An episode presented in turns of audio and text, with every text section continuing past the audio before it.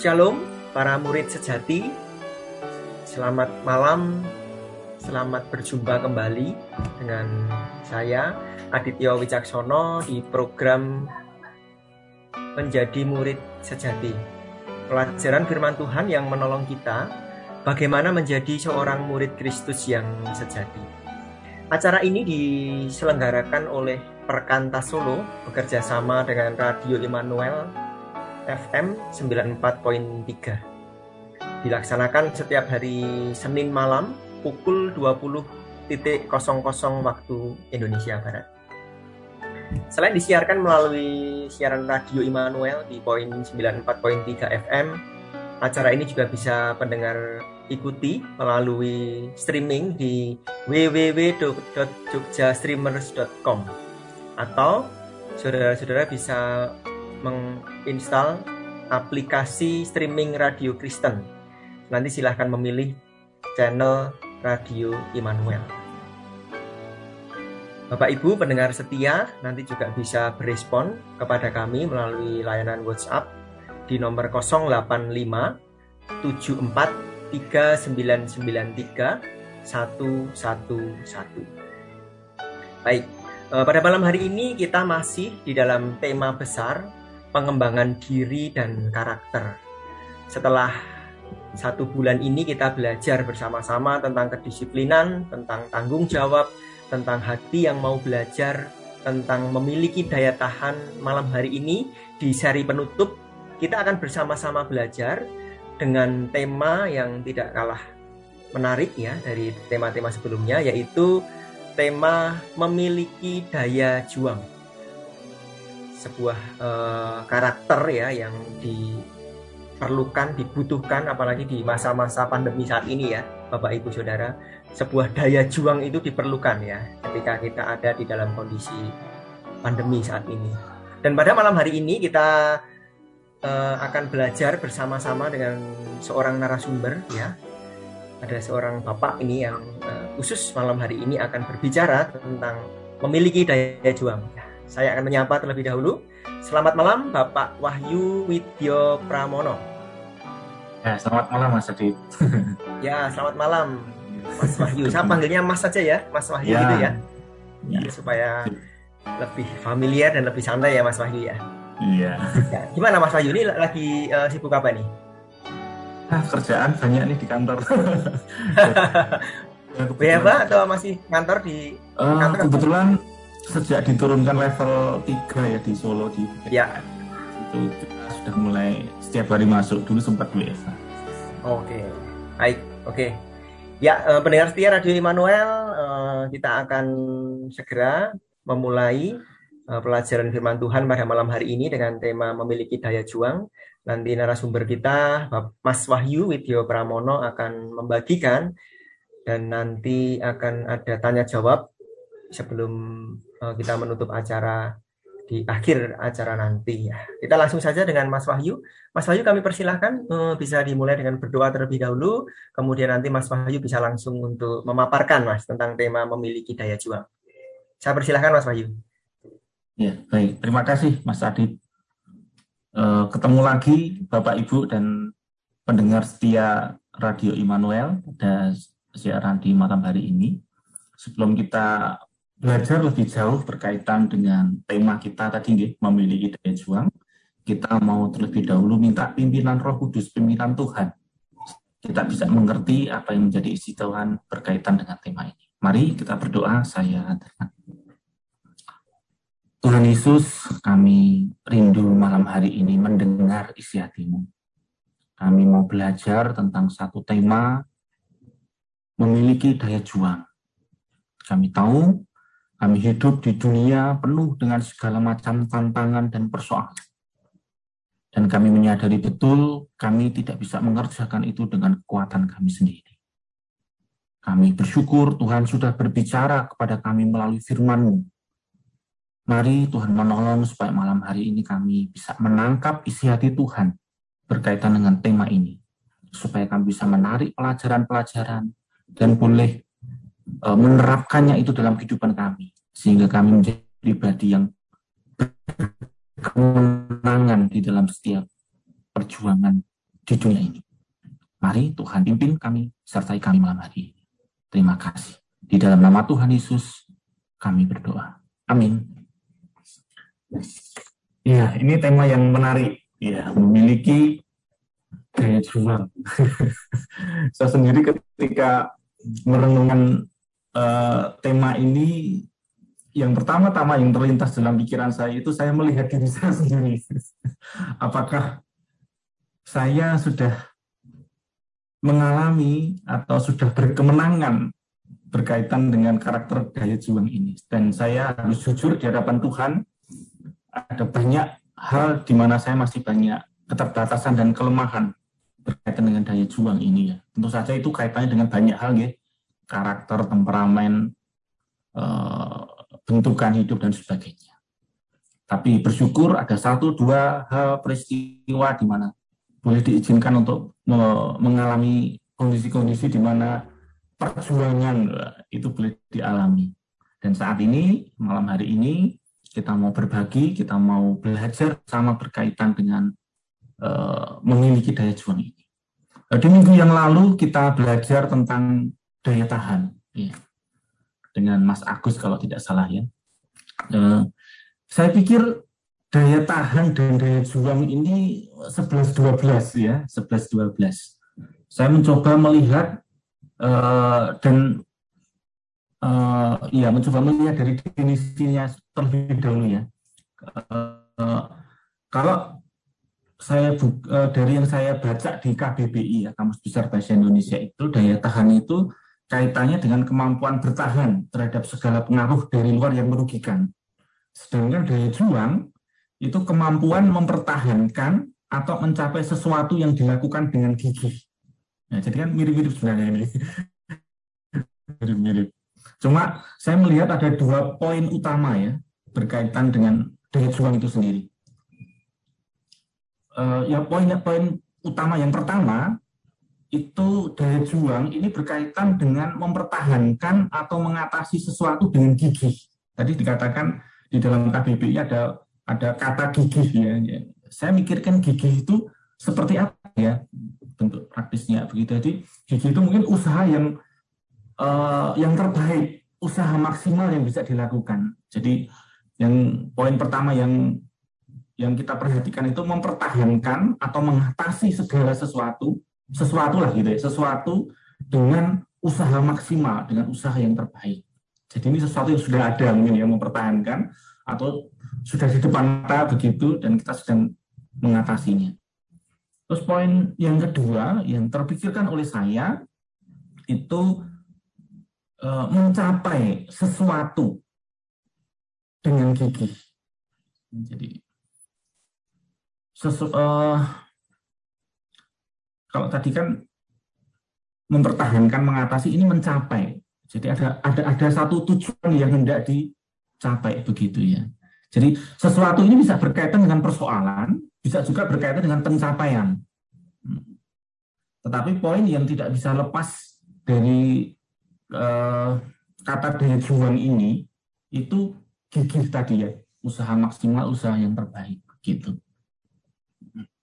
Kita pasti pernah dihadapkan dengan persoalan, pernah dihadapkan dengan rencana dan pencapaian yang tidak kita raih begitu ya Nah, reaksi, respon, dan sikap bagaimana kita menghadapinya bisa berbeda-beda. Uh, sejauh yang saya baca, yang saya mengerti dari Alkitab itu, uh, tidak ada topik khusus yang membahas tentang daya juang ini, gitu ya. Uh, lantas apa yang bisa kita lakukan kemudian? Kalau kita mau belajar tentang pengembangan diri memiliki daya juang ini, yang pertama yang terpikir oleh saya itu ya kita melihat kisah hidup tokoh tertentu atau cerita dalam Alkitab yang menunjukkan pelajaran tentang tadi ya daya juang, tentang satu perjuangan, gitu, tentang usaha maksimal. Gitu. Terus yang kedua, kita bisa melihat nilai-nilai kebenaran Tuhan yang berkaitan dengan daya dengan daya juang itu sendiri. Nah, kita bisa belajar dengan melihat bagaimana reaksi, respon, sikap, dan nilai-nilai kebenaran dari cerita-cerita tadi. Jadi kebenaran-kebenaran tadi begitu. Kalau kita berbicara tentang perjuangan tentang daya juang, uh, hal ini pun tidak luput dari pengamatan para peneliti ya, para peneliti, para ya expert lah kaum expert di dunia ini. Salah satunya yang saya ketahui itu yang namanya Paul Stoltz gitu ya. Jadi Paul Stoltz ini dalam bukunya mengubah hambatan menjadi peluang ini memperkenalkan yang namanya adversity quotient.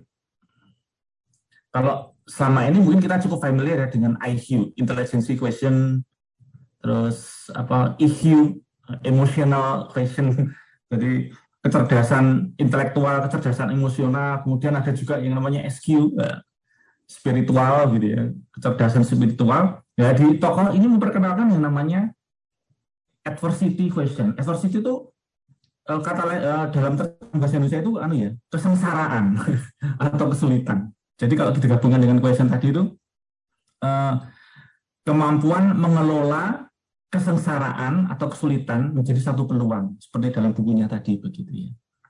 Bukunya ini saya terus terang juga belum baca secara detail begitu ya. Saya hanya lihat poin-poinnya begitu dan cukup kebal kelihatannya itu 400 halaman. nah, saya hanya mengambil satu bagian saja ya dari dari dari buku ini yang mungkin nanti bisa menjadi ya menolong kita ya untuk melihat gambaran terlebih dahulu berkaitan dengan bagaimana reaksi orang terhadap kesengsaraan, terhadap kesulitan yang dihadapi, dan kemudian nanti kita menghubungannya dengan pelajaran firman Tuhan dari kisah-kisah di Alkitab, gitu ya. Jadi uh, uh, adversary question ini itu konsep mengenai ketahanan individu dalam menghadapi berbagai kesulitan di berbagai aspek kehidupannya. Salah satu yang menarik dari Paul Strauss ini, dia membagi tipe-tipe manusia yang itu dia ibaratkan, yang itu dia gambarkan seperti orang yang sedang mendaki gunung, begitu. Jadi kemudian dia mengelompokkan jadi tiga, mendaki gunung. Ada ada ada tiga kelompok orang nih. Yang pertama itu quitters, orang-orang yang berhenti, gitu, ya, quitters. Yang kedua campers, ini diambil dari kata camping mungkin ya, yang tadi jadi perkemahan begitu. Dan yang ketiga climbers, pendaki. Ya kita mau melihat secara singkat tiga tipe-tipe ini ya. Jadi kita nanti melihat saya ada di kelompok mana ya dari ketiga kelompok tadi begitu ya tipe-tipe orang yang berjuang mengatasi apa kesengsaraan atau kesulitan tadi. Yang pertama yang fitos. Orang-orang jenis ini itu berhenti di tengah proses pendakian. Mudah putus asa dan menyerah jadi para fighters ini menolak menerima tawaran keberhasilan yang disertai dengan tantangan dan rintangan. Biasanya ini tipe-tipe orang yang suka dengan hal yang instan ya. Aku pengen maju, tapi ketika dihadapkan dengan tantangan dan persoalan, ose gitu ya, nanti dulu gitu. Jadi orang-orang seperti ini itu akan banyak kehilangan kesempatan berharga dalam hidupnya. Begitu. Nah sering kali kata-kata yang muncul gitu ya, itu eh, in, uh, mungkin catatan tambahan ya. Jadi si siapa Paul Stoltz ini dia itu sudah selama sekitar 19 tahun ya meneliti ini dan itu sudah diterapkan selama 10 tahun dengan 7.500 orang yang pernah mengikuti seminarnya. Jadi eh, kesimpulan-kesimpulan tadi saya pikir cukup cukup cukup cukup ya cukup logis cukup ilmiah lah gitu. Nah kata-kata yang muncul dari respondennya gitu penelitiannya Paul Stotz ini bagi para fighters itu sering kali begini kata-kata fitters yang muncul itu tidak mau aku tidak dapat oh, ini kelihatannya mustahil ini. Wah, nggak mungkin deh, nggak mungkin. Saya nggak mau melakukan ini. Jadi orang-orang yang menyerah di awal, menyerah di awal begitu ya. Nah, dalam hierarki Maslow, Maslow kalau mungkin ada yang sudah pernah belajar ekonomi ya dari kebutuhan Maslow itu kan ada piramida ya, piramida kebutuhan dari yang paling dasar itu kan piramida kira ya tahu ya piramida yang paling paling dasar itu uh, orientasinya kepada fisiologis atau kebutuhan fisik. Terus itu ada lima level. Terus level kedua itu keamanan, level kedua sosial, level keempat penghargaan, dan level ketiga itu aktualisasi diri. Nah, orang orang-orang yang di fitters ini letaknya paling dasar ya dalam kebutuhan piramida ini. Dia cukup dengan makan dan minum, misalnya seperti itu ya. fisik, kebutuhan fisik cukuplah seperti ini, tidak mau tantangan lebih begitu. Terus kemudian yang kedua itu uh, campers gitu perkemahan itu orang-orang yang tidak mencapai puncak atau sudah puas dengan yang telah dicapai. Kalau tadi itu kalau yang fitur tadi itu mencoba ada tantangan berhenti mengeluh begitu. Tapi kalau yang campers ini masih lumayan. Jadi dia melangkah ada satu rintangan dia bisa mengatasi itu. Ya, dia bisa dia dia bisa mengatasi uh, rintangan itu, tapi kemudian dia dia, dia berhenti di situ. Nah, jadi dia bilang, wah ini nampaknya sudah cukup bagi saya. Ini sudah cukup bagus. Nah, tapi kalau dalam ilustrasinya Posta tadi, dia ini orang-orang yang berhenti di tengah pendakian. Jadi dia berada di tengah-tengah pendakian, dia melihat ke bawah, dia melihat sekelilingnya, wah pemandangannya cukup bagus ini ya. Eh, kemudian dia mendirikan kemah di situ.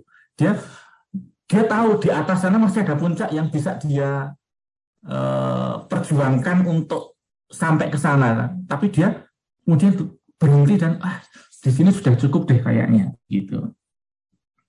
Jadi, tapi kelebihannya ini sekurang-kurangnya dia sudah menanggapi tantangan yang dihadapinya dan telah mencapai tingkat tertentu.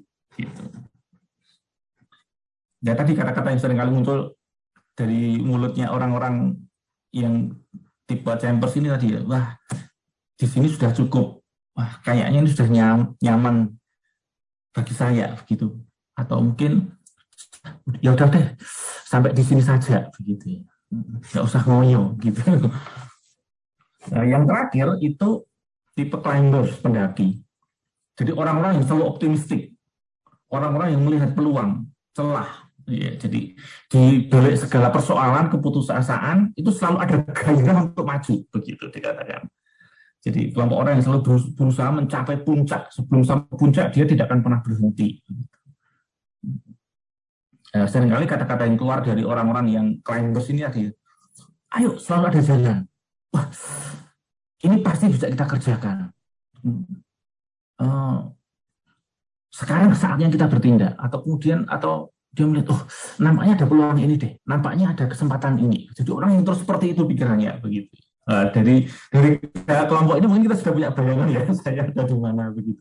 Atau mungkin melihat orang-orang sekitarnya, nampaknya si A si B ini macam gitu. Sekali lagi ini bukan untuk mengelompokkan, bukan untuk membatasi atau bukan untuk menilai orang ya. Ini hanya untuk menolong kita memudahkan mengenali siapa saya. Itu berkaitan dengan uh, tantangan persoalan yang muncul begitu ya.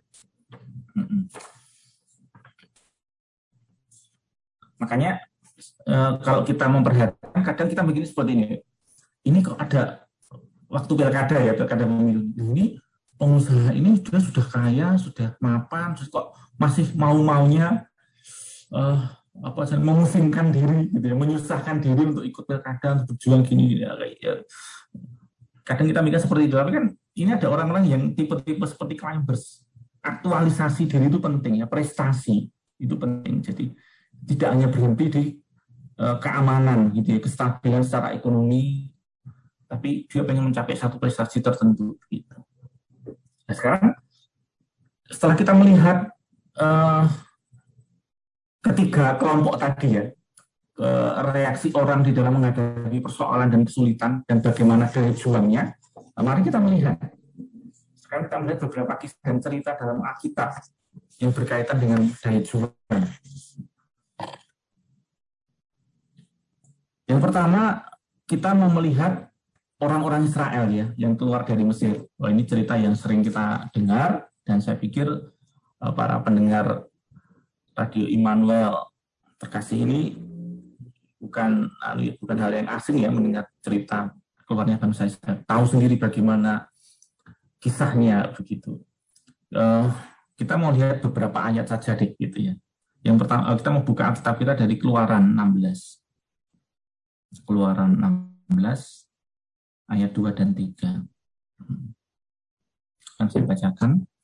Di padang gurun itu bersungut-sungutlah segenap jemaah Israel kepada Musa dan Harun dan berkata kepada mereka, ah kalau kami mati tadinya di tanah Mesir oleh tangan Tuhan ketika kami duduk menghadapi kuali berisi daging dan makan roti sampai kenyang, sebab kamu membawa kami keluar padang gurun ini untuk membunuh seluruh jemaah ini dengan kelaparan. Wah, peristiwa ini terjadi sesaat setelah mereka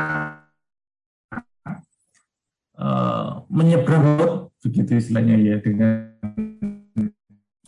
segala mujizat yang besar begitu mengeluh karena nggak punya air dan kemudian Tuhan membuka mata air gitu ya. dan sekarang mereka mengeluh lagi begitu ya dan mereka berpikir wah alangkah enaknya ya kalau mendingan sengsara di eh, mendingan di, di di Mesir saja begitu ya.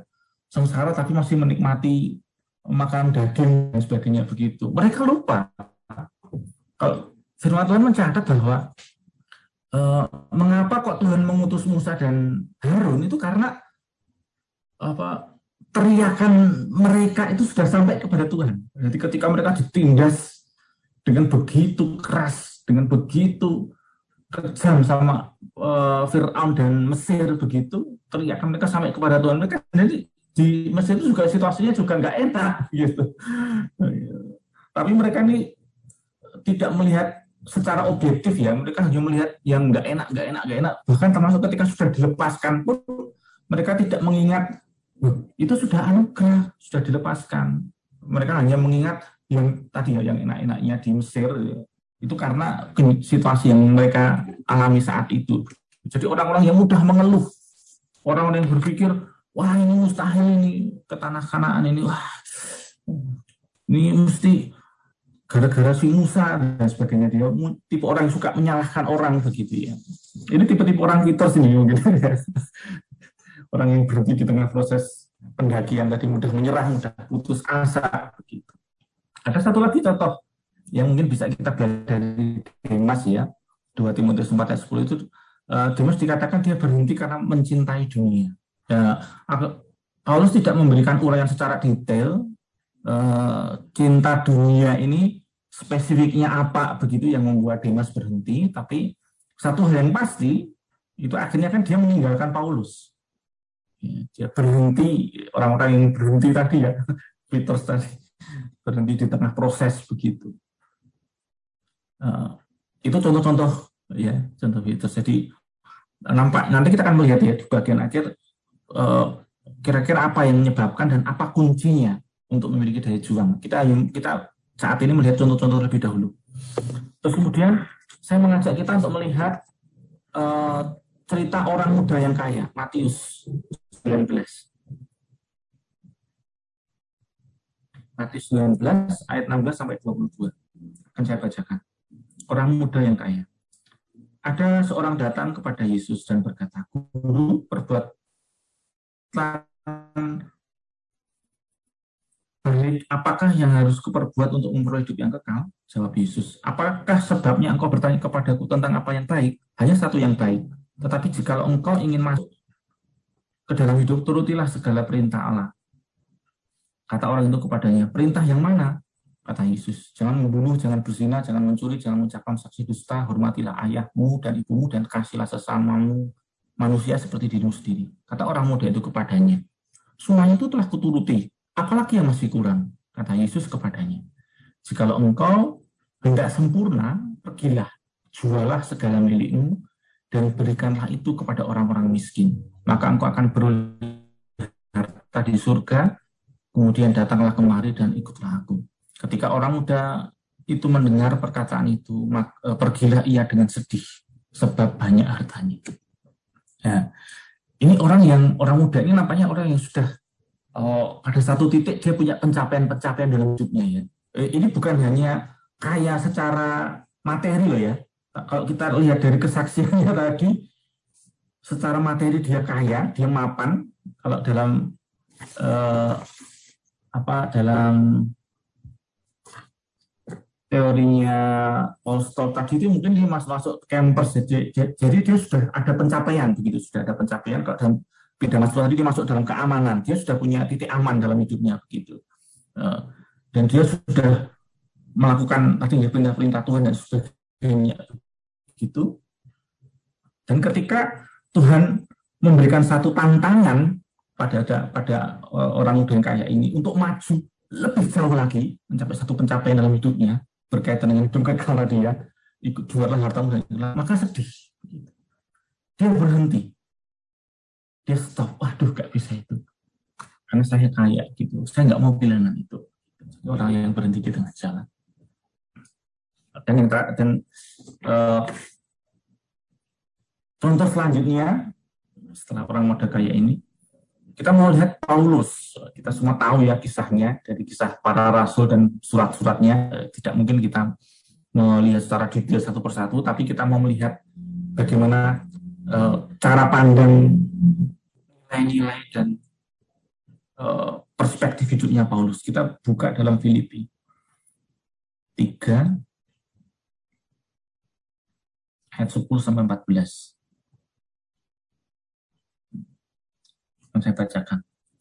Yang kehendaki ialah mengenal dia dan kuasa kebangkitannya dan persekutuan dalam penderitaannya di mana aku menjadi serupa dengan dia dalam kematiannya supaya aku akhirnya beroleh kebangkitan dari antara orang mati. Bukan seolah-olah aku telah memperoleh hal ini atau telah sempurna melainkan aku mengejarnya. Kalau-kalau aku dapat juga menangkapnya karena aku pun telah ditangkap oleh Kristus Yesus. Saudara-saudara aku sendiri tidak menganggap bahwa aku telah menangkapnya. Tetapi ini yang kulakukan. Aku melupakan apa yang telah di belakangku dan mengarahkan diri kepada apa yang di hadapanku. Dan berlari-lari kepada tujuan untuk memperoleh hadiah, yaitu panggilan surgawi dari Allah dalam Kristus Yesus. Wah, kalau kita baca secara penuh perikop ini, kita akan melihat bagaimana saksiannya uh, Paulus ya, bagaimana dia menceritakan masa lalunya, apa yang dia kejar di, mas, di masa lalunya, dan setelah dia ketemu sama Tuhan Yesus, dia punya satu perspektif yang baru. Dia pegang perspektif itu ya. Kita tahu ketika Paulus, pertobatan Paulus itu kan ketika dia bertobat, dia juga menerima panggilan langsung ya. Dia dikasih tahu gitu, apa yang akan terjadi ke depan dalam hidupnya, gitu, bahwa dia akan uh, ikut menderita seperti Kristus, menjadi saksi dari bangsa-bangsa lain begitu ya. Dan itu dia pegang teguh begitu ya. Dia pegang teguh dan itu nyata dari Filipi ini ya. Dari ini kan kesimpulan dari dari nilai-nilai perspektif cara pandang Paulus terhadap hidupnya begitu ya. Bagaimana dia uh, melupakan yang di belakang, bagaimana dia uh, bagaimana kerinduan dia, bagaimana pusat hidupnya, bagaimana fokus hidupnya begitu. Dan uh, bagaimana cara dia menilai hidupnya gitu.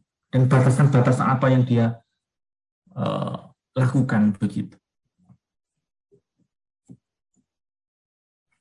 Nah, Paulus ini mungkin eh, tipe-tipe uh, orang climbers tadi ya. Jadi pendaki, orang yang selalu optimis, orang yang selalu mengejar, orang yang fokus begitu ya kepada satu tujuan dia punya. Dan dia bukan hanya fokus, uh, bukan hanya punya cita-cita istilahnya, bukan hanya punya visi, tapi dia mengejarnya dengan gigi. Dengan usaha yang terbaik, jadi dikatakan.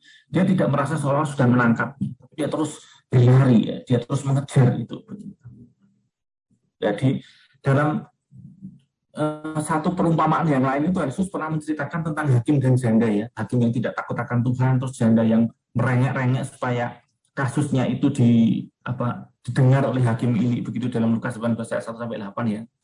Nanti bisa dibaca sendiri itu itu sebenarnya itu hanya perumpamaan begitu ya, tapi Tuhan Yesus dan Tuhan Yesus sudah menjelaskan artinya bahwa itu ketekunan dalam hal berdoa begitu. Tetapi dari situ kita bisa belajar satu hal yang menarik dari janda itu apa? Tentang usahanya yang gigih tadi ya. Ini orang-orang climbers mungkin gitu ya. Tidak tahu malu gitu ya. Wes, semuanya biar caranya gitu ya. Gimana caranya supaya kasus saya itu uh, apa jenenge uh, didengar oleh hakim. Dan hakim ini kemudian akhirnya kan dikatakan hakim yang tidak kenal Tuhan, tapi akhirnya dia yuslah ya gitu daripada ngurisi gitu. Akhirnya dia loloskan itu kasus si dia bela itu si janda ini. Nah, dari sini kita dari beberapa cerita tadi ada banyak cerita sebenarnya mungkin ya yang yang, yang bisa kita gali berkaitan dengan eh, kelompok-kelompok uh, orang gitu ya. Hmm. Kemudian kita menarik begitu ya, menarik kesimpulan. Jadi kunci untuk memiliki daya juang itu apa ya? Gitu ya, dari beberapa kisah tadi. Yang pertama itu dari pengalamannya Paulus tadi ya, dia punya perspektif atau cara yang cara pandang yang benar tapi juga kokoh terhadap hal-hal yang utama dalam hidupnya. Yang itu dia perjuangkan dengan semaksimal mungkin seperti definisi dari John tadi ya, semaksimal mungkin, sebaik mungkin begitu ya. Nah, perspektif seperti apa yang dimiliki Paulus? Yang pertama, itu berkaitan dengan uh, nilai kekal, begitu ya. Jadi dia memandang segala sesuatu itu dalam perspektif kekal. Dia membuat batasan-batasan dalam dalam hidupnya, gitu ya. Kita pernah mendengar satu tulisan dalam, kalau nggak salah dalam Korintus atau nggak salah itu ya, berkaitan dengan bagi dia itu makanan itu hal, tapi ketika makanan ini menjadi sandungan bagi orang, ya udah saya tidak akan memakan daging. Wah itu kan dia membuat batasan untuk tujuannya. Itu kan bagian dari perjuangannya. Bagian dari bukti nilai-nilai dari dari juangnya begitu. Terus yang kedua, uh, hidup ini adalah proses bertumbuh dan bertumbuh adalah pilihan. Kita buka dalam satu Korintus 3 ya. 1 Korintus 3 ayat 11 sampai 14. Akan saya bacakan 1 Korintus 3 11 sampai 13. Karena tidak ada seorang pun yang dapat meletakkan dasar lain daripada dasar yang, telah, yang telah diletakkan Yesus Kristus. Entahkah orang membangun di atas dasar ini dengan emas, perak, batu permata, kayu, rumput kering, atau jerami. Sekali kelak pekerjaan masing-masing orang akan nampak karena hari Tuhan akan menyatakannya, sebab ia akan nampak dengan api dan bagaimana pekerjaan masing-masing orang akan diuji oleh api. Jadi, sama seperti tadi ya, itu pilihan. Dasarnya sama Tuhan Yesus. Tapi bagaimana hidup kita dibangun, bagaimana tujuan hidup kita, bagaimana kita menghabiskan hidup kita di dunia ini, itu pilihan. Nah, pilihan itulah yang akan menentukan apa? Nilai dari juang kita, cita-cita, panggilan kita. Kalau kita tidak memegang kuat ini, ya kita akan berhenti, kita akan mudah sekali. Ini ini khusus anu ya, kalau khusus apa berkaitan dengan mencapai sesuatu ya, dari semua yang berkaitan dengan mencapai sesuatu gitu ya, dengan pencapaian gitu. Ya. Jadi itu pilihan. Dan daya juang ini, daya juang ini itu memberikan pengaruh bagaimana kita mempertahankan uh, daya juang kita mempertahankan apa ya usaha kita pilihan-pilihan kita fokus hidup kita. Kemudian yang kedua itu menetapkan tujuan dan fokus. Jadi supaya kita memiliki daya juang kita harus memilih harus menetapkan tujuan dan fokus. Kita harus mengatur pilihan-pilihan prioritas-prioritas menetapkan batasan-batasan. Uh, Salah satu yang membuat kita mungkin tidak cukup maksimal juang di dalam mengatasi persoalan, di dalam menghadapi pilihan, di dalam mengatasi persoalan hidup itu karena mungkin uh, kita tidak cukup fokus dan tidak cukup mengatur pilihan-pilihan dan prioritas dalam hidup kita. Menetapkan batasan-batasan begitu. Jadi tujuan dan fokus itu menolong kita untuk, oh ya, saya punya apa yang mau dicapai begitu. Terus kemudian yang ketiga kita bisa mulai membangun disiplin dan nilai-nilai kehidupan. Jadi membangun disiplin-disiplin ya. Jadi karakter kita itu kan dipengaruhi oleh kebiasaan. Kebiasaan itu akan muncul oleh karena disiplin yang kita bangun. Dan ini menolong kita untuk punya nilai-nilai kehidupan. Jadi disiplin rohani, disiplin apa pun begitu yang baik tentu saja gitu ya. Itu saya pikir itu kunci salah satu kunci untuk memiliki daya juang. Dan yang keempat itu kita bisa bersandar pada anugerah. 2 Korintus 3 ayat 5. 2 Korintus 3 ayat 5. Dengan diri kami sendiri, kami tidak sanggup untuk memperhitungkan sesuatu seolah-olah pekerjaan kami sendiri. Tidak, kesanggupan kami adalah pekerjaan Jadi, eh, Paulus ini menyadari betul di dalam segala keberhasilan dan prestasinya, begitu ya, kalau kita boleh sebutkan itu, semuanya itu kalau tanpa pertolongan dan kesanggupan yang dari Tuhan, dia tidak bisa mengerjakan, dia tidak bisa melampaui, dia tidak bisa melakukan semuanya itu. Dan ini harus kita sadari betul. Jadi usaha kita itu akhirnya akan berhenti pada satu titik kesanggupan itu adalah pekerjaan Tuhan. Kekuatan itu, kekuatan yang berlimpah-limpah itu datangnya dari Tuhan. Kekuatan untuk mempertahankan atau mengatasi persoalan, kekuatan untuk menghadapi satu kesulitan, satu tantangan. Itu pada akhirnya apa? Itu kesanggupan dari Tuhan. Kalau kita menyadari betul itu, itu akan menolong kita untuk tidak terlalu apa ya menyalahkan diri sendiri ketika kita pada titik-titik kegagalan. Nah, jangan berpikir Paulus ini tidak pernah gagal. Gitu ya. Jadi di dalam 2 Korintus 12 ayat 8 sampai 9 itu Paulus cerita ya bagaimana duri dalam daging yang ada dalam tubuhnya ya. Itu di mana Tuhan mengizinkan itu, di mana itu benar-benar bahkan sampai berkali-kali minta kepada Tuhan untuk dilepaskan, tapi Tuhan berkata cukup gitu ya. Karena dalam kelemahanku justru kuasaku akan menjadi semakin semakin sempurna. Itu harus kita batas. Itu, itu yang kita sadari seberapa besar kita berjuang, ada saat-saat di mana kita mungkin akan jatuh. Ada saat-saat di mana mungkin kita akan gagal. Kalau kita berada pada titik-titik itu, kita harus menyadari bahwa di dalam kelemahan, di dalam kegagalan, kegagalan itu ada Allah di balik semuanya itu. Ada anugerah Tuhan yang menopang maupun menggaluh. Kalau kita mengalami luka, mengalami kegagalan dalam berjuang tadi ya. Jadi itu juga harus kita sadari. Dan yang terakhir, kunci untuk memiliki daya juang, kita butuh orang lain. Butuh orang lain dalam bertahan untuk melangkah maju dan menghadapi tantangan. Paulus ini punya inner circle ya, punya orang-orang ter, terdekatnya begitu ya. Kita belajar dari surat-suratnya itu kan juga kisahnya di kisah Rasul itu kan Paulus tidak pernah sendirian begitu. Paulus tidak pernah sendirian. Dia ada orang-orang yang terus menemani dia. Dan bahkan ketika dia melakukan pelayanan, dia juga lapor pada jemaat kan, dia dia dia, dia didoakan juga, dia disertai oleh anak-anak rohaninya, begitu ya.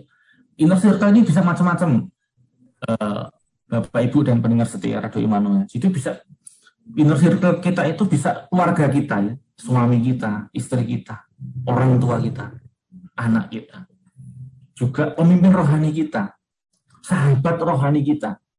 Itu inner inner circle yang saya pikir oh, sangat sangat berpengaruh bagi kita untuk memiliki daya juang. Gitu. Itu beberapa kunci berkaitan dengan memiliki daya, daya juang. Mungkin eh, itu yang bisa sedikit saya sampaikan. Nanti kita akan sambung ke diskusinya eh, dengan Mas Adit nanti apa yang bisa kita diskusikan dari materi ini. Uh, itu Mas Adit yang bisa saya sampaikan berkaitan dengan bagaimana kita memiliki daya juang. Baik, terima kasih Mas Wahyu Widyo Pramono yang sudah menyampaikan uh, materi tentang memiliki daya juang ya. Bapak Ibu pendengar setia Radio Immanuel, pendengar setia program Menjadi Murid Sejati, eh, kita nanti akan masuk ke dalam sesi tanya jawab. Kami mempersilahkan eh, Bapak Ibu sekalian untuk bisa eh, bergabung bersama dengan kami dengan mengirimkan pertanyaan ataupun saran ya kepada kami ke nomor WA kami di 085 74 3993 111. Saya ulangi lagi di nomor WhatsApp kami di nomor 085 74 3993 111. Sebelum kita masuk ke dalam sesi diskusi, kita akan terlebih dahulu mendengarkan lagu pujian berikut ini.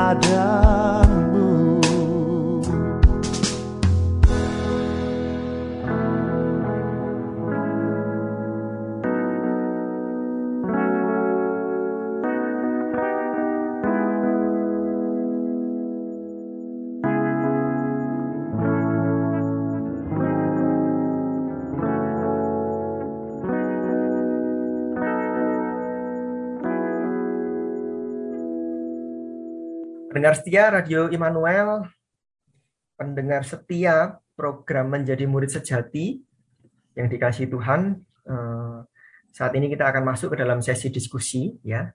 Kita akan berbincang ya tentang eh, topik pada malam hari ini ya dengan narasumber kita Bapak Wahyu Widyo Pramono. Eh, Mas Wahyu, ini yang pertama Mas, itu mungkin kita ingin mendengar ya pengalaman pribadi Mas Wahyu berkaitan dengan tema pada malam ini. Tema pada malam hari ini mungkin pengalaman yang sudah selesai ya ataupun yang mungkin saat ini juga masih sedang eh, proses juga di dalam tema malam hari ini Mas Wahyu. Silakan Mas Wahyu. Oke, ya. Terima kasih Mas Adi. Memang nggak elok ya kalau berbagi teori atau prinsip tidak disertai dengan pengalaman. Ya, ya. Eh, di awal tadi saya sempat membagikan eh, ada beberapa pengalaman yang pernah saya alami berkaitan yang saya pikir bagi saya itu dari juang gitu. Kaitan dengan kalau saya bersyukur boleh melalui. Yang pertama itu kaitan dengan waktu anu ya tantangan waktu memulai pelayanan di Wono- siswa di Wonogiri. Ya, saat itu salah satu perjuangan yang tidak mudah ya. Situasi saya saat itu kan semester akhir belum lulus sudah kuliah berapa itu itu semester ke berapa? tahun ke tujuh tahun tujuh belum lulus begitu dan memulai pelayanan di Wonogiri. Sangat macam-macam itu berkaitan dengan orang tua berkaitan dengan pekerjaan berkaitan dengan pasangan hidup juga. Ya. dan itu butuh perjuangan yang ekstra bagi saya saat itu. Tetapi satu hal yang menolong saya dalam melewati semua itu tadi yang pertama ya tadi ya perspektif ya dan saya pegang janji janji Tuhan begitu. Ada janji dan bersyukur saat itu ketika saya eh, memulai pelayanan siswa di Wonogiri itu kan saya ada pemimpin rohani. Eh, Mas Gun yang terus menemani mendoakan mendorong eh, memberikan pencerahan berkaitan dengan ketika ada persoalan begitu ada tantangan begitu. Dan juga yang kedua kebetulan saya dengan beberapa teman tim perintisan pelayanan luar kota begitu ya. Itu jadi satu tim. Itu juga menguatkan. Ini tadi berkaitan dengan kunci tadi ya. Jadi ada orang-orang yang memberikan support memberikan masukan begitu. Eh, itu tidak mudah. Tapi ketika ada orang ketika ada tadi ada janji Tuhan gitu ya. Dan terus mempercayai itu bisa dilewati. Bisa bisa bisa bisa bisa dijalani lah minimal walaupun jatuh bangun di dalamnya begitu ya. Eh, termasuk ketika berkaitan dengan memilih pekerjaan. Eh, ketika lulus itu ada tawaran saya ilmu komunikasi ya di FISIP UNS begitu. Lulus itu ada tawaran saudara untuk di di apa kerja di salah satu stasiun televisi swasta yang saat itu terkenal. Yang saat itu juga masih terkenal begitu. Pada masa saya itu kerja di stasiun televisi itu cukup prestis. Itu gedeng itu punya itu kenalan begitu ya. Dan di swasta hal seperti itu bukan anu ya bukan bukannya haram bukannya bukannya jenenge eh, tidak tidak fair enggak biasa kerja gitu ya. Kan kepercayaan kalau swasta begitu. Oh, itu tantangan yang luar biasa gitu. Ada godaan ada tantangan dan orang tua saya tahu gitu kerja di situ. Tapi satu memperjuangkan siswa di Wonogiri ini. Dan di mana saya gara-gara melepas itu kan saya harus kerja jadi apa sempat melesi ya di, di tapi bukan les besar begitu di Wonogiri juga kerja sebagai guru nyata bakti di Karanganyar tuh. Misalnya jauh sekali itu. Dan itu harus wah ya, mengatur itu perjuangan itu godaan berjuang tidak mudah itu. Termasuk pasangan hidup ketika berjuang ketika berdoa untuk pasangan hidup itu kan sedang mendoakan seseorang ini Apakah dia mau? Saat itu bayangin bayangan saya itu tinggal di Wonogiri, kota yang tidak uh, beda lah dengan kalian Solo begitu. Itu tantangan-tantangan beberapa bagi saya saya harus berjuang sampai ada satu titik kemudian ya tadi lagi persekutuan pribadi itu penting. Uh, Pak Ibu pendengar setia Radio Immanuel ya. Jadi ketika saya saat teduh, ketika saya berberiding itu selalu ada beberapa kesan-kesan yang saya saya, catat gitu sebagai janji gitu. Dan beberapa teman-teman di Wonogiri itu masih ingat beberapa janji berkaitan dengan Wonogiri. Bersyukur kalau melihat saat ini itu, wih, ini karena Tuhan bukan karena saya gitu. Dan pekerjaan pun juga sama. Ketika dapat dapat janji pekerjaan itu jauh lebih dahulu daripada pelayanan Wonogiri gitu. Jadi pekerjaan di pemerintahan begitu. Dan harus melepaskan beberapa kesempatan itu. Dan harus kerja di macam-macam kerjaan dulu itu. Buka hit pernah. Dodolan rambak ya pernah begitu. Tapi ya tidak mudah loh ketika saat itu benar benar nggak ya janjinya Tuhan ini? Tentang pekerjaan dan tentang pelayanan tapi dari cara pandang ya udah dipegang aja dipegang aja diyakini. Dan dari pengalaman saya itu ketika kita ragu, ketika kita goyah, Tuhan menguatkan kok. Tuhan mengkonfirmasi entah dari pribadi, entah dari doa orang. Gitu. Pemimpin rohani banyak berperan di bagian ini. Bagi saya loh, pengalaman saya. Itu beberapa sedikit pengalaman yang bisa saya bagikan Mas Adit berkaitan dengan juang ya, memiliki daya juang itu. Memang apa yang saya bagikan kunci-kunci tadi itu beberapa, bukan beberapa ya, semua itu bagian dari pengalaman saya. Ya, ya. ya. Oke, terima kasih Mas Wahyu. Saya hmm. mencatat ada tiga poin tadi ya. Mas Wahyu memiliki persekutuan pribadi dengan Tuhan, kemudian memegang janji Tuhan dan support system ya Mas dari lingkungan ya. Orang yang uh, memiliki uh, apa namanya uh, pergumulan yang sama tadi ya, hmm. dan juga pemimpin rohani ya yang terus menemani dan mendukung ya Mas Wahyu ya. Baik, uh, pendengar setia Radio Immanuel, kami mengundang mengajak pendengar untuk uh, bersama-sama dengan kami ya. Uh, pendengar bisa mengirim pertanyaan, respon kepada kami di nomor 085 74 3993 111. Silakan dikirim di nomor tersebut. Nanti kami akan berespon dan menjawab setiap pertanyaan maupun respon yang saudara-saudara uh, sampaikan kepada kami. Nah, Mas Wahyu, yang kedua ini Mas ya. ya. Tadi kan ada tiga tipe ya Mas ya, tiga tipe hmm. apa namanya cara orang berespon ya. Kadang-kala orang itu yang sudah putus asa Mas Wahyu, dia hmm. itu putus asa ya, terus tidak punya daya juang yang kuat, itu kadang-kadang merasa, wah kok saya seperti ini ya, saya tidak punya daya juang sama sekali. Ada nggak Mas contoh eh, apa namanya tokoh di dalam Alkitab ya, yang dia mengalami kegagalan di dalam eh, semangat daya juangnya itu, tetapi di sisi lain akhirnya dia dipakai Tuhan untuk pekerjaan Tuhan yang besar itu. Ada nggak Mas contoh seperti itu? Ya, ini pertanyaan menarik sekali ya. E, tadi di awal saya juga menyampaikan beberapa, kita mau belajar beberapa tokoh ya. Satu yang saya ingat itu tokoh yang pernah gagal dan kemudian bangkit itu e, anu ya, Yohanes Markus, penulis kitab Markus itu ya. Hmm. E, Bapak Ibu pendengar setia Radio Immanuel membaca kisah para rasul. E, Markus ini kan di awal-awal muncul itu kan dia menjadi dia dia itu menjadi asistennya Barnabas dan Paulus ketika memulai pelayanan. Di dalam di dalam kisah Rasul 13 ayat 5 kalau salah itu ya. Bisa di, bisa dibuka begitu. Jadi dia ini menyertai mereka. Mulai satu uh, misi begitu setelah didoakan jemaat begitu. Baru satu kali memulai misi di Pulau Siprus nggak salah itu. Ya, kita mencatat dia itu melarikan diri. Dia pergi. Dia pergi akhirnya Paulus sama Barnabas kan dia melanjutkan tapi si si si, si Markus ini nggak ikut dia pulang. Nampaknya dia tidak tahan mungkin ya. Padahal itu baru di awal pelayanannya Paulus dan Barnabas. Begitu. Tapi kalau uh, Bapak Ibu pendengar setia Radio Immanuel melihat beberapa catatan uh, suratnya Paulus ini menarik sekali. Jadi tadi di ayat masuk uh, kisah 13 ayat 5 dia ikut timnya Paulus, ayat 13 sudah kabur begitu ya. Uh, di pasal 15 ayat 37 sampai 39 Isa Rasul ya.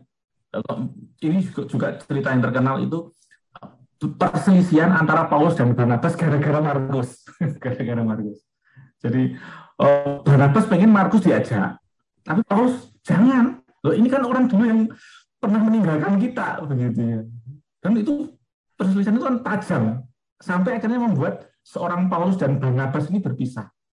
Jadi Paulus dengan dengan dengan Silas kalau nggak salah itu ya. Terus kemudian Barnabas ini dengan Markus.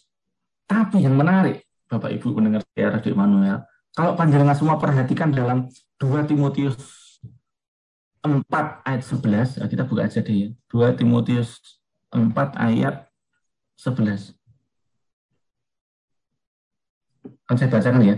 Hanya Lukas yang tinggal denganku. Ini kan masa-masa menjelang anu ya, akhirnya Paulus ya, hidupnya Paulus. Uh, jemputlah Markus dan bawalah ia kemari karena apa? Pelayanannya penting bagiku. Benar sekali. Ini orang yang dulu pernah ditolak Paulus. Tapi di dalam ini di dalam 2 Timotius 4 ini menjadi orang yang pelayanannya penting bagi Paulus gitu ya. Dan menarik lagi di dalam satu Petrus, bukan hanya bagi Paulus loh ini loh. Ya. Petrus 5 1 Petrus 5 ayat 13.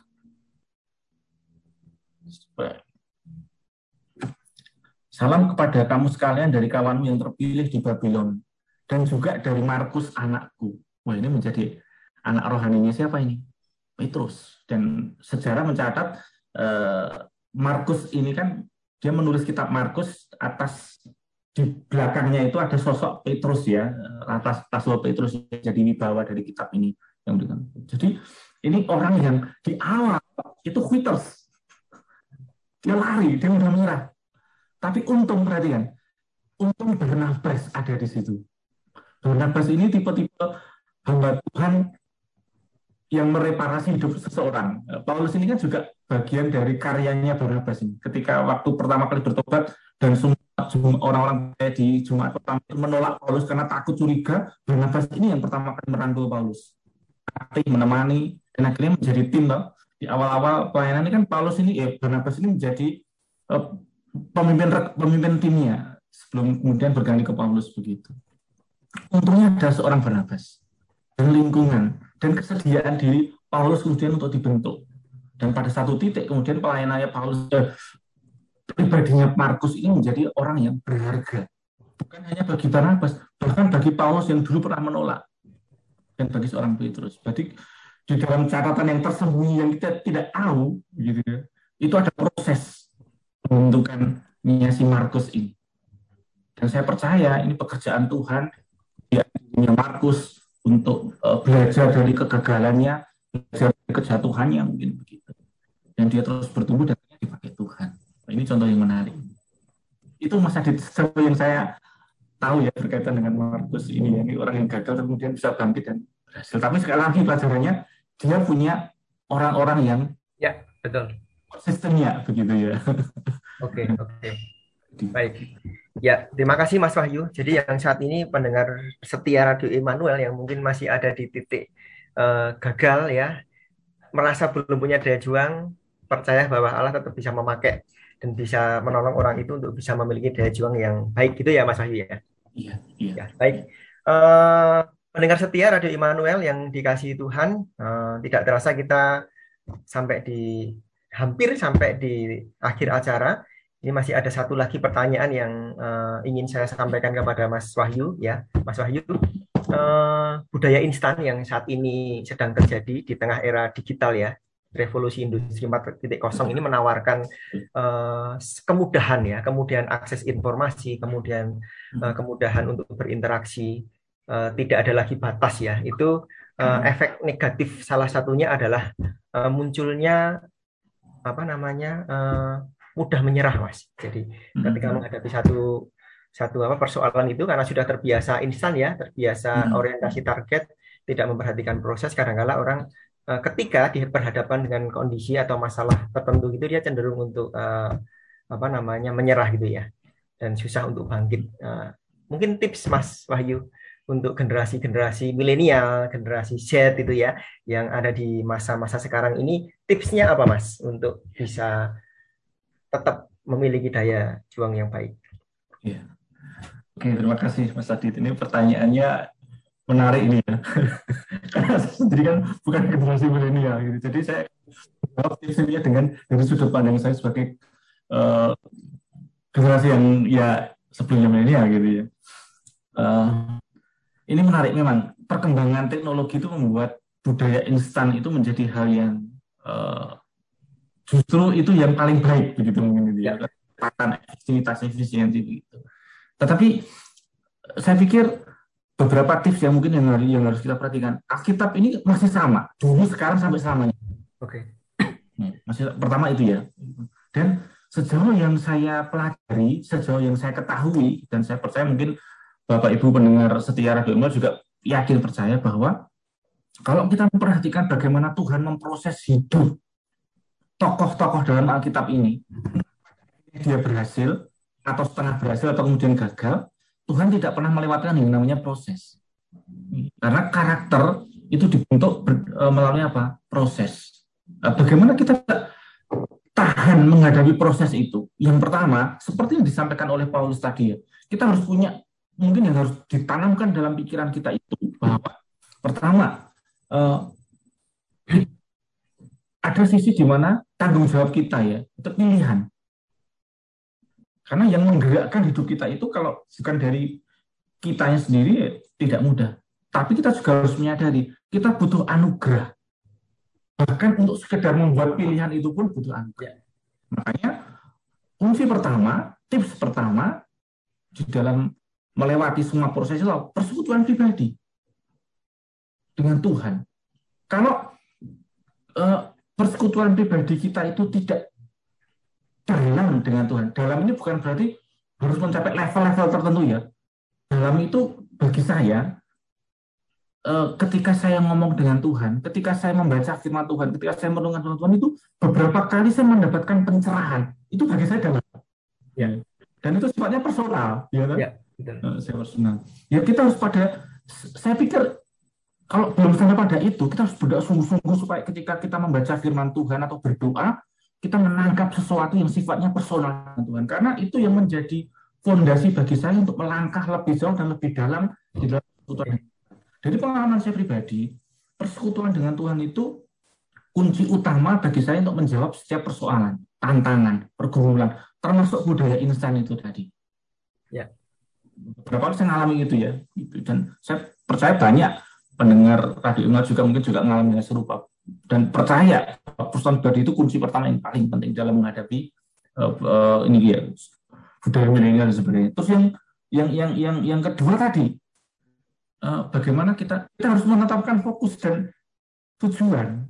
Karena kalau kita sudah menetapkan fokus dan tujuan, otomatis mau tidak mau suka tidak suka, kita harus mengatur prioritas, membuat pilihan-pilihan, menetapkan batasan-batasan dan itu disiplin.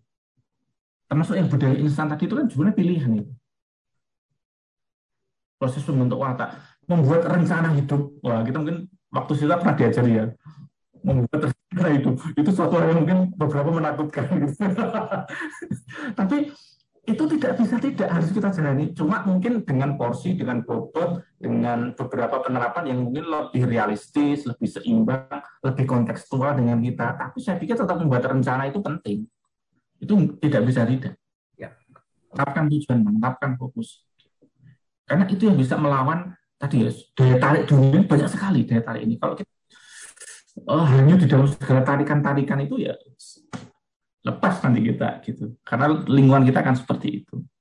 Dan yang ketiga tadi, ya, mirip dengan kunci tadi ya, ya. ya gitu. Sebagian dan punya support system. Ya sudah hilangin seperti itu mas itu yang ya, oke okay. Ya, terima kasih Mas Wahyu.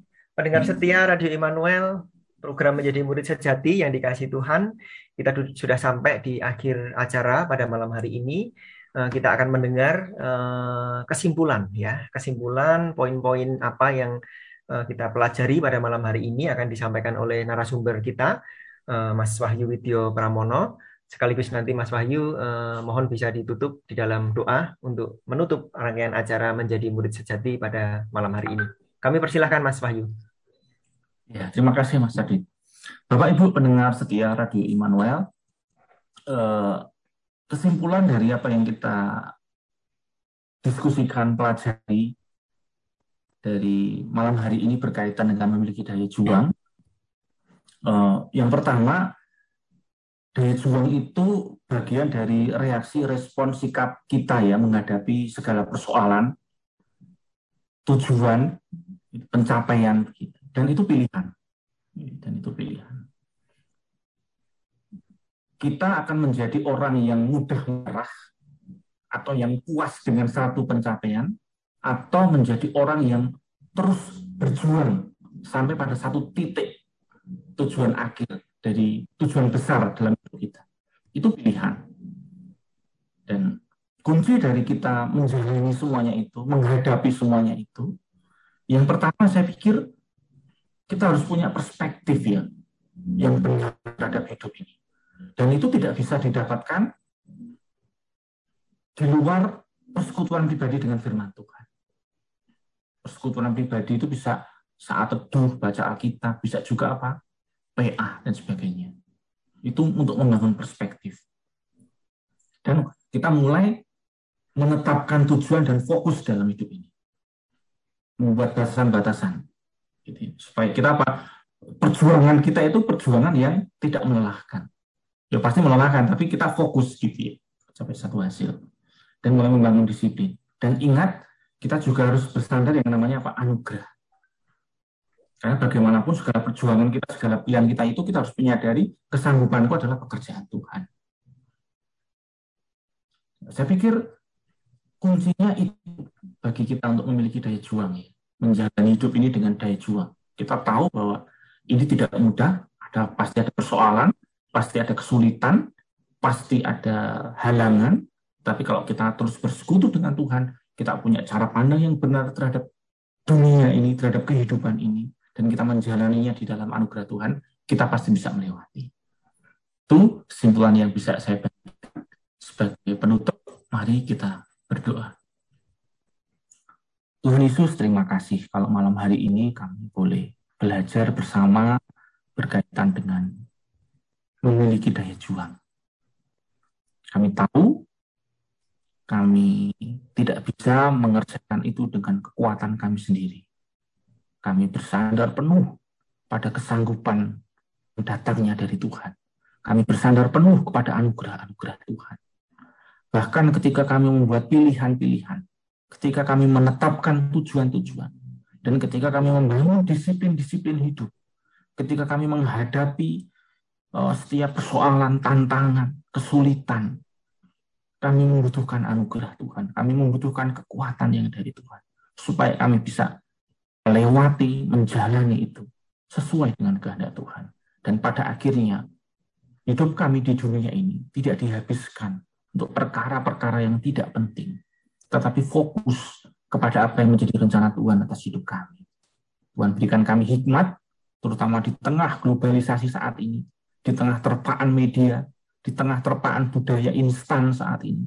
Kami butuh kekuatan, kesanggupan, pertolongan dari Tuhan. Kami butuh uh, support system, orang-orang yang memperhatikan, yang mendoakan hidup kami. Supaya kami sedang terus berjalan di dalam rencana Tuhan. Supaya kami memiliki daya juang sesuai kehendak Tuhan. Terima kasih kau berkati kami, berkati setiap pendengar setia Radio Immanuel ini, supaya kami semua sedang terus bertumbuh jadi semakin sempurna seperti Tuhan Yesus. Terima kasih. Di dalam nama Tuhan Yesus kami berdoa. Amin.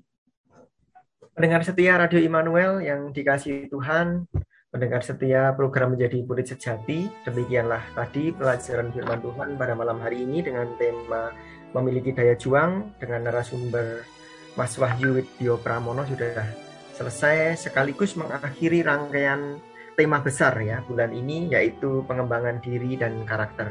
Kami masih hadir kembali uh, hari Senin depan di jam yang sama dengan tema yang tentunya akan semakin menarik lagi. Kami persilahkan Bapak Ibu Saudara pendengar setia Radio Emmanuel untuk kembali bersama-sama dengan kami minggu depan. Kami mengucapkan selamat malam, selamat kembali beraktivitas. Tuhan Yesus memberkati. Amin.